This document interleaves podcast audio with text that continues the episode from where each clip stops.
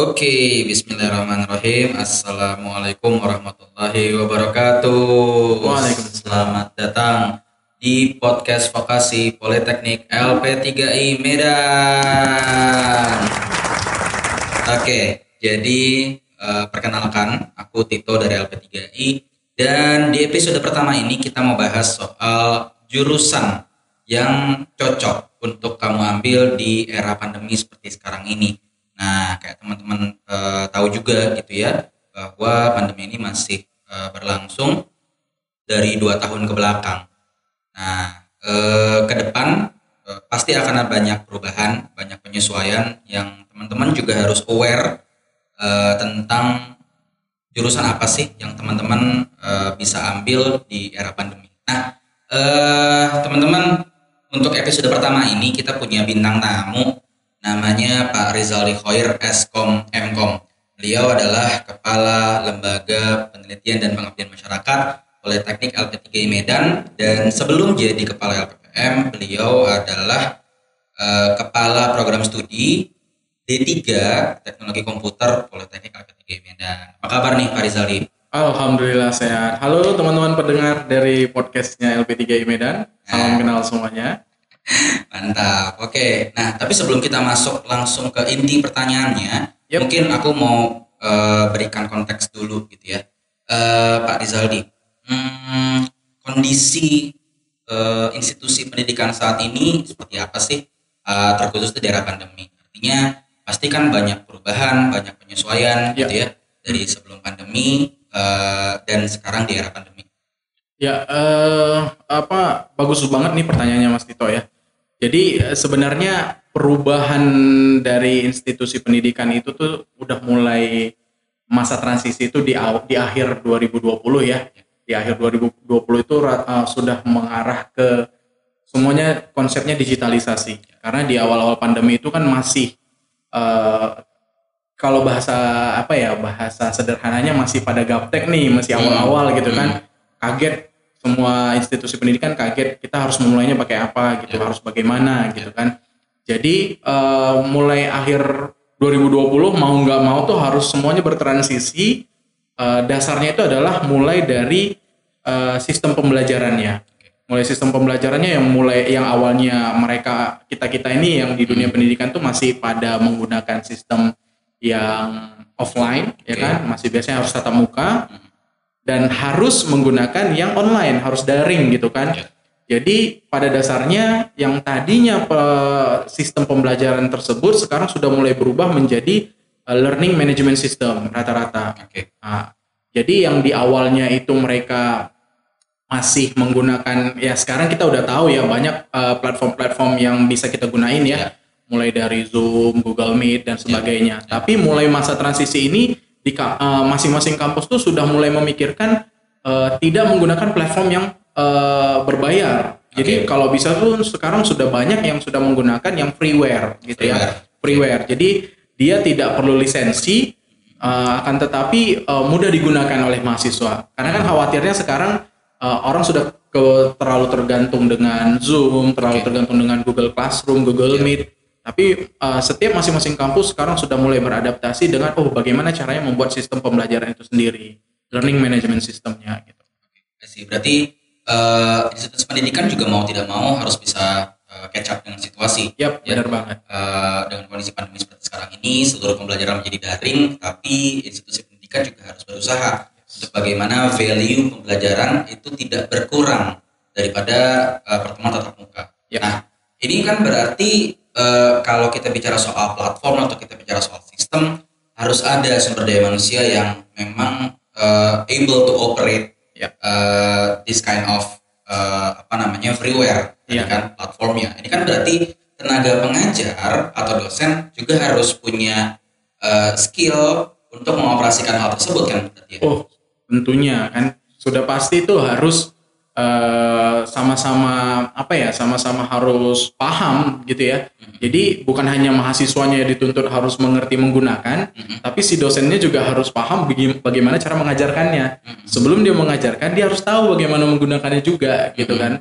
Jadi eh, ini terjadi dua kali nih. Eh, kerjaan tersebut gitu ya. Ya. Jadi si dosennya juga yang non komputer ya, yang yang tadinya dia nggak paham apa itu sistem komputer karena dia mungkin ngajarnya mata kuliahnya mata kuliah yang umum kali ya. Bahkan sekarang yang dosennya mata kuliah umum harus paham dan rata-rata sekarang sudah memahami yang namanya eh, sistem pembelajaran secara digital tersebut. Gitu. Hmm. Berarti memang eh, si dosen juga eh, mau tidak mau juga harus eh, beradaptasi ya. Ya, pastinya. proses pembelajaran daring seperti sekarang Benar, ini. benar banget. Karena eh, siswanya apalagi kalau misalnya kita bicara soal K3 Medan, eh, mahasiswanya cukup beragam. Ya. Gitu kan, nggak hanya dari kota Medan, tapi juga ada dari mungkin Binjai atau mungkin dari Rantau Prapat, gitu Yes. kan. Di eh, pembelajaran daring juga eh, si dosen harus punya mungkin cara pembelajaran yang kreatif kali ya Ya, itu juga penting juga tuh gitu. nah eh kalau bicara soal eh, tenaga pengajar atau dosen gitu ya eh seberapa Pak Rizaldi melihat sekarang ini tenaga pengajar atau dosen terutama di Politeknik P3 Medan ya Iya. gitu ya sudah seberapa jauh improvisasinya improve-nya gitu ya dari sebelum pandemi sampai sekarang di era pandemi ini harus belajar soal teknologi dan lain sebagainya sampai udah berapa jauh sih sebenarnya Oke, Eh sebenarnya sih sudah kalau dibagi-bagi menjadi beberapa bagian. Kalau di Politeknik LP3I Medan tuh ada terjadi fase eh, dua kali, dua fase gitu ya. Fase yang pertama itu sebenarnya kalau kita kan LP3I sudah ada learning management systemnya terpusat tuh ya. Oke. Eh, seluruh Indonesia sudah menggunakan itu. Nah, sebelum itu digunakan, kita juga di PLM atau di LP3 Medan ini juga ada yang namanya LMS. eh, bisa dibilang itu tin- tingkatnya urgency kemarin kan. Oke. Karena di awal-awal sempat kita menggunakan yang namanya Google Classroom, Oke. ya kan Google Classroom, kemudian eh, ada beberapa platform lain. Cuman eh, pertengahan semester itu tidak efektif, dikarenakan mungkin hampir semua kampus menggunakan itu. Hmm. Uh, jadi sempat uh, beberapa kali itu down gitu ya uh, karena terlalu tinggi trafficnya. Kemudian uh, tim IT kita juga membuat yang khusus untuk lokal dan itu saya pikir sudah sangat baik dan alhamdulillah tidak ada kendala dan percepatan-percepatan untuk transformasi yang lebih baik lagi itu digunakan oleh LP3I dan sampai sekarang kita menggunakan yang namanya LMS. Jadi terpusat. Jadi semuanya itu sudah menggunakan sistem tersebut dan alhamdulillah sudah tidak ada kendala lagi. Nah, hal inilah itu yang disebut dengan tadi adaptasi dan sudah mulai menggunakan yang freeware tadi. Hmm, oke. Nah, eh, tadi kan kita bicara soal institusi, kita bicara soal tenaga pengajar atau dosennya. Yap. Kalau mahasiswa dan mahasiswanya sendiri gitu. Hmm. Nah, eh, melihatnya seperti apa sih Pak Rizaldi gitu ya sebelum Pak Rizaldi mengajar di ah, sebelum Pak Rizaldi eh, mengajar di sebelum pandemi gitu ya sama sekarang di era pandemi apa yang jadi challenge ketika eh, mengajar gitu. Oke, ini menarik nih dibahas nih ya. Eh, jadi eh, kita ini vokasi ya. Eh, di LP3 ini nih ten- apa namanya institusi pendidikan vokasi yang eh, notabene itu kita tahu sama tahu tuh 70% kita itu praktik, Praktek. ya kan? Eh, 30 persennya teori. Nah, eh, kendala pertama sekali itu adalah mahasiswa kita itu kan rata-rata eh, ada yang dari daerah, ada yang memang eh, di kota Medan itu sendiri gitu ya. Terkendala pertama itu adalah yang di daerah. Nah, yang di daerah ini mereka eh, kemungkinan ya eh, kemungkinan besar mereka belum memiliki fasilitas yang mumpuni Mhm. untuk menghadapi era pandemi ini gitu kan. Sebut saja mereka tidak mem- memiliki gadget yang sesuai dengan eh, mata kuliah yang diikuti gitu ya. Eh, itu kendala yang pertama. Jadi mau nggak mau eh, ada beberapa beberapa trik yang kita lakukan gitu ya. Eh, kita mem- membuat yang namanya eh, 50% untuk datang ke kampus gitu ya. Uh, itu pun sesuai dengan protokol kesehatan Ya. kemarin. Dan alhamdulillah trik tersebut berjalan dengan baik gitu ya. Hmm. Trik tersebut berjalan dengan baik dan juga didukung oleh pemerintah juga kan supaya tidak terjadinya kerumunan. Ya.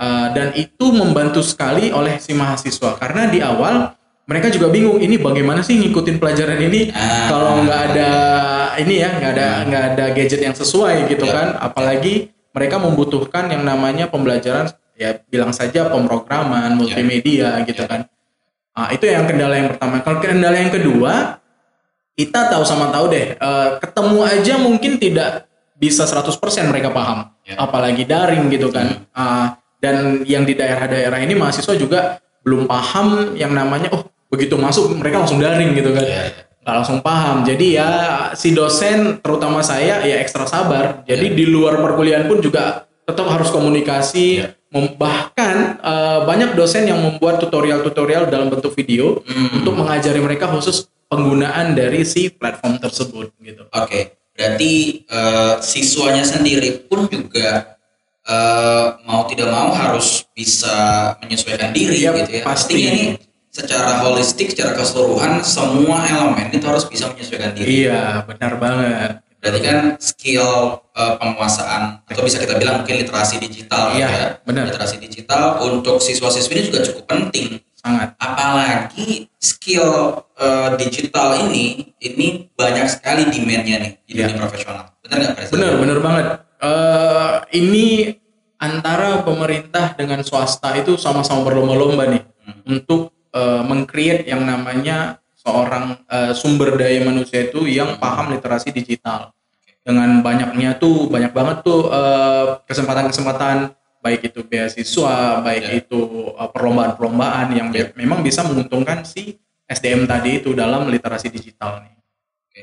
Ya berarti bisa dibilang bahwa eh, pertanyaan intinya adalah Hmm. eh, jurusan yang paling cocok eh, ketika di era pandemi seperti ini berarti adalah jurusan yang memang berhubungan dengan literasi digital. pastinya yang ber yang sebelum pandemi nggak ada hubungannya dengan digital aja bahkan di dalamnya itu requirementnya juga harus memahami eh, apa ya penggunaan digital gitu Ya, ya sesederhana eh, paham Microsoft Excel, Microsoft Yes. Office gitu kan, memahami. Artinya bahwa makin ke sini semua kan makin canggih, Ya. makin modern gitu kan ya, makin digital semuanya. Tapi semua itu juga nggak ada artinya kalau nggak ada yang mengoperasikan. ya Nah, artinya kan bahwa eh, kita eh, sebagai sumber daya manusia harus paham betul soal literasi digital ini. Artinya eh, kita tidak eh, tidak dikontrol oleh teknologi, tapi kita, Kita yang yang mengontrol mengontrol. teknologi. benar benar banget Eh, jadi memang arahnya udah ke sana dan ini sudah tidak memasuki lagi masa transisi tapi sudah memasuki eh, masa adaptasi dan menciptakan sesuatu hal yang baru dan tidak menghilangkan yang namanya literasi digital tadi. Kalau nah kalau bicara soal eh, Politeknik LP3 Medan, kita punya D3 teknologi komputer. Ya. Apa yang menjadi berbeda antara eh, D3 teknologi komputer di LP3I sama di institusi pendidikan yang lain?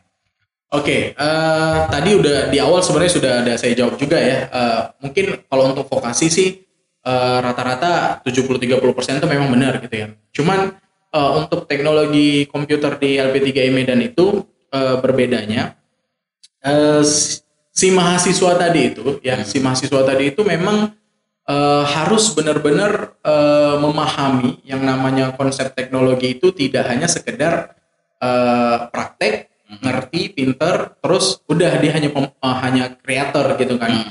Eh, sedangkan di LP3 itu eh, ada yang namanya harus eh, pencapaian yang dia tuju gitu.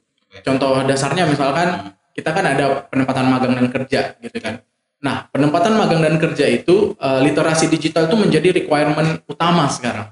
Requirement utama. Mau dia di tempat perusahaan non digital sekalipun itu jadi requirement utama Ya. gitu ya. Eh, kenapa itu dibutuhkan sekali gitu? Karena memang apa pun yang perusahaan itu kerjakan, memang rata-rata ujung-ujungnya mereka harus promosi secara digital.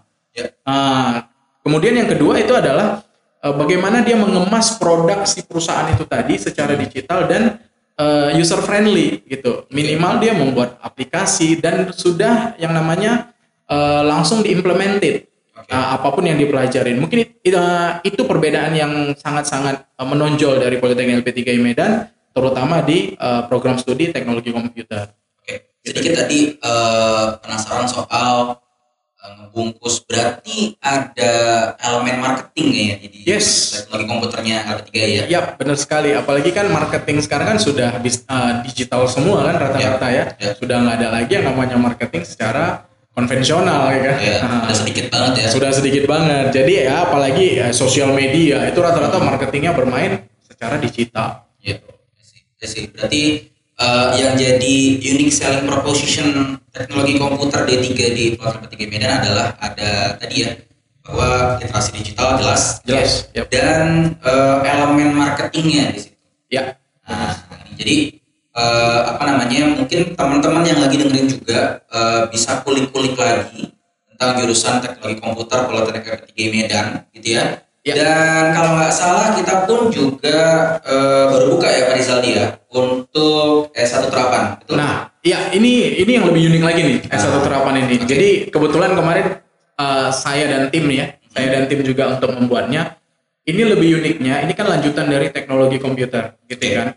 Di dalamnya itu lebih membedakannya adalah kita ada dua uh, dua tra- apa ya, dua jurusan ya, Oke. dua jurusan pilihan. Sama juga teknologi komputer juga ada. Cuman ini yang lebih hype-nya lagi di teknologi rekayasa komputer namanya S1 Oke. terapannya itu ada yang namanya artificial intelligence, Hmm. ada yang namanya IoT. Itu uh, masuk ke dalam pemrograman. Oke. Ya, itu masuk ke dalam pemrograman. Kemudian untuk di computer desainnya di situ ada juga yang namanya uh, editing video audio, audio video gitu ya. Kemudian ada juga yang namanya uh, apa namanya? music scoring gitu ya. Itu menjadi pembeda juga untuk di TRK-nya. Nah, kalau untuk di TK-nya tadi itu ya untuk pemrograman udah jelas IoT juga ada. Cuman untuk di computer desainnya belum sampai ke music scoring. Itu yang salah satu uh, unique selling point-nya. Asik. Wow. Uh, speechless. Nah. Maksudnya jarang banget eh, kita ngelihat eh, kalau aku sih ya dapat informasi bahwa lembaga pendidikan vokasi bikin S1 terapan dan sampai di dalamnya tuh sampai ada music scoring lah, ada artificial intelligence gitu kan. Jadi aku rasa ini bisa jadi salah satu pilihan eh, utama bahkan buat teman-teman yang lagi dengerin ini dan masih kelas 12 SMA, SMK maupun MA, Yap. alumni bahkan gitu ya eh, dan mau ambil S1 terapan di Politeknik LB3 Medan. Jadi eh, langsung aja untuk teman-teman kepoin Instagram kita at LP3 underscore Medan Yes. dan eh, kalau teman-teman memang eh, ingin cari tahu lebih lanjut kita eh, beralamat di Jalan Seisayu nomor 48D eh, Medan Sunggal eh, Kota Medan Ya, gitu. ditunggu ya. Ya, Iya. ditunggu anak-anak ya yang mau gabung di sini P3. Ntar ketemu saya. Siap. Siap. Oke, nanti ketemu aku juga. Oke. Oke. Oke, thank you teman-teman semua yang udah dengerin.